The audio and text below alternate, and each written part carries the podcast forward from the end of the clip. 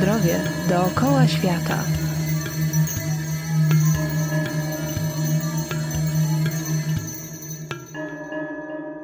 Cześć, nazywam się Kinga Tuńska i zapraszam Was na audycję Zdrowie dookoła świata.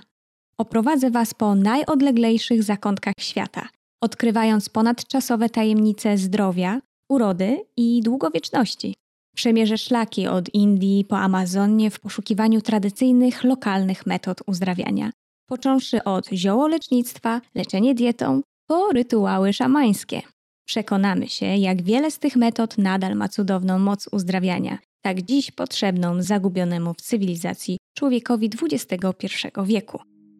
W ostatnich dziesięcioleciach terapeuci żywieniowi doszli do wspólnego wniosku, że podstawą zachowania zdrowia jest zapobieganie chorobom, a nie ich zaleczanie. Wiele specjalistów akcentuje rolę odżywienia jako czynnika prewencyjnego chorób oraz kładzie nacisk na zdrowy styl życia, w tym kształtowanie zdrowych nawyków żywieniowych, które zapewniają nam dobre samopoczucie i zdrowie.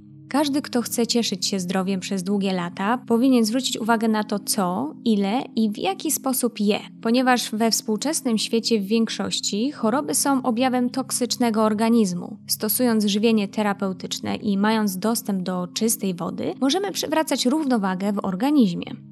W dzisiejszej audycji wybierzemy się w podróż po najzdrowszej kuchni świata, a towarzyszyć nam będzie szef Irek, czyli Ireneusz Ciara, kucharz, terapeuta, fizjolog przewodu pokarmowego, który sztuki kulinarnej uczył się od szamanów, zielarzy, lekarzy i profesorów na całym świecie.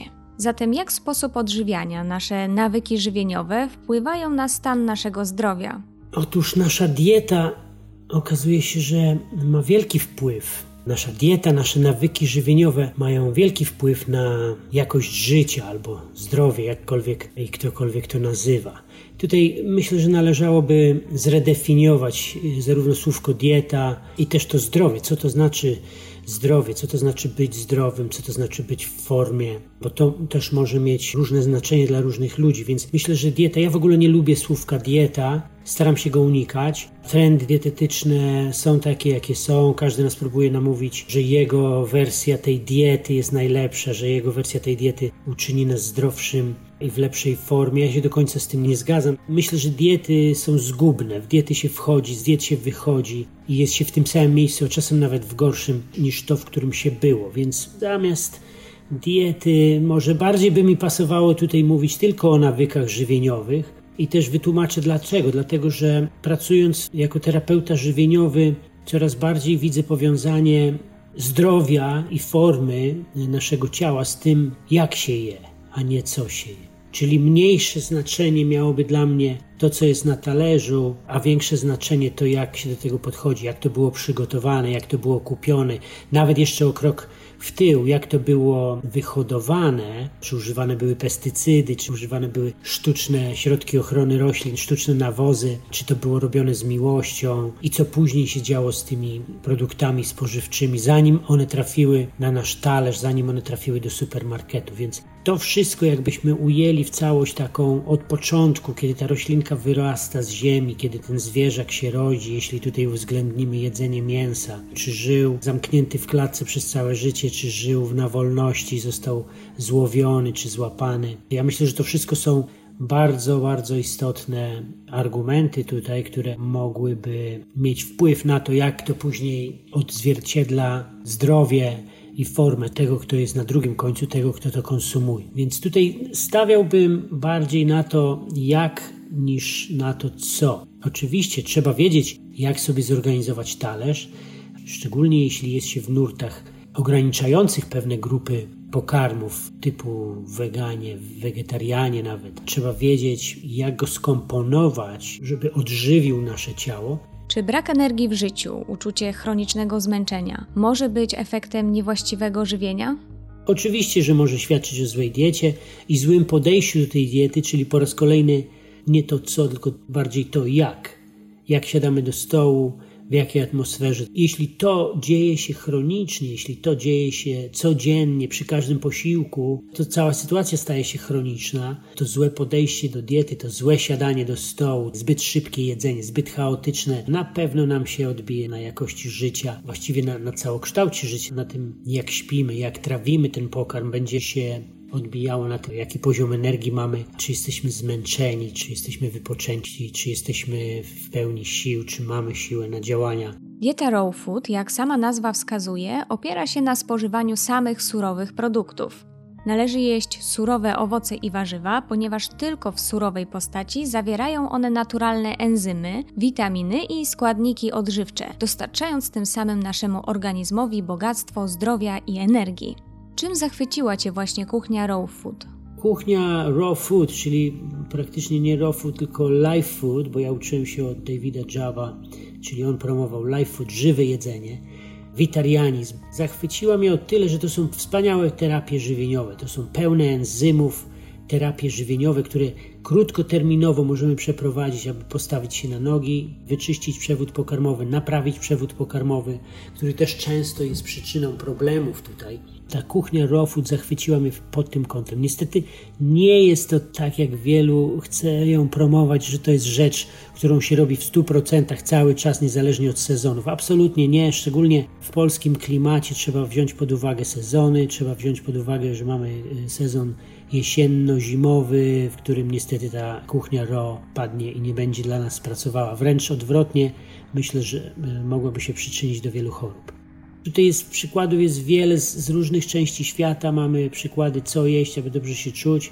Jeśli jest lato, możemy dobrze się czuć jedząc świeże owoce, świeże warzywa. Jak najbardziej w 80 do 100% nawet surowa kuchnia. Ale jak te sezony się zaczynają zmieniać, no to myślę, że trzeba by było pomyśleć o tym, żeby część z jedzenia przynajmniej naszego była ugotowana, część z jedzenia naszego, żeby była przetworzona w jakiś sposób, żeby ogrzać ciało, żeby zwiększyć temperaturę ciała.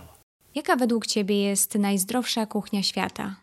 Najzdrowsza kuchnia świata nie, nie egzystuje. Myślę, że nie egzystuje nic takiego. To są anegdoty, to są historie. Najzdrowsza kuchnia świata to jest ta kuchnia, gdzie się gotuje z miłością, gdzie świadomie zostały wybrane produkty, które weszły do tej kuchni, a wyszły jeszcze bogatsze o tą właśnie miłość tego kucharza i pasję ludzi, którzy tam pracowali, czyli taka prawdziwa kuchnia restauracyjna. A kuchnia najzdrowsza świata to jest też ta, która po drugiej stronie będzie miała tego, który siada do tego jedzenia, będzie jak gdyby współpracowała z tym, co on potrzebuje, i on też ma tutaj swój wkład, że siądzie do tego jedzenia, do tego dania spokojnie, w towarzystwie ulubionych ludzi, tych, którzy mu dobrze życzą i tych, których on kocha. Więc tutaj w obie strony to się powinno łączyć, i wtedy mamy idealną, najzdrowszą kuchnię świata. Czy mógłbyś się z nami podzielić ciekawostką żywieniową ze świata, która odmieniła Twoje myślenie na temat zdrowia, odżywiania, a nawet filozofii życia?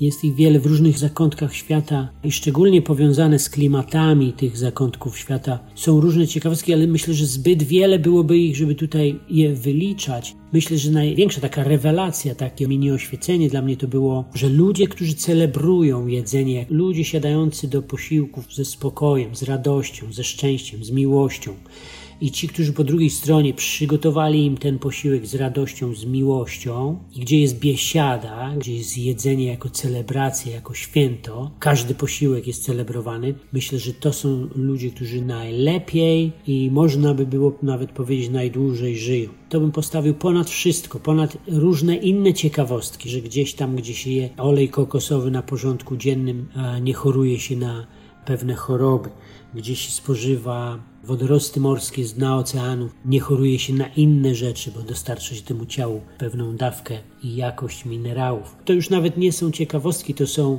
fakty potwierdzone naukowo, ale myślę, że największą taką rewelacją jest to, że najzdrowsi są ci, którzy ze szczęściem siadają do posiłku, niezależnie od tego, co jest na ich talerzu. A oczywiście jest coś pysznego, ale to może być mięso, a to może być wegetariański posiłek, to mogą być surowe owoce, czy jakieś owoce morza siadają do posiłku z radością, z miłością wśród ludzi, którzy ich kochają, a, i spożywają ten posiłek nie spiesząc się, dobrze gryząc, biesiadując ze swoimi najbliższymi.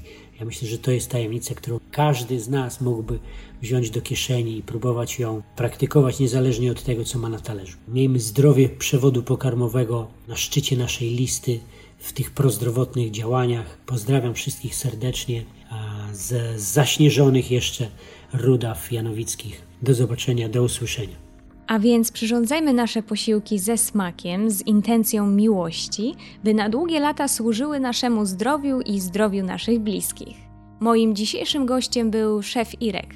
Zapraszam na kolejną audycję zdrowia dookoła świata, Kinga Tuńska.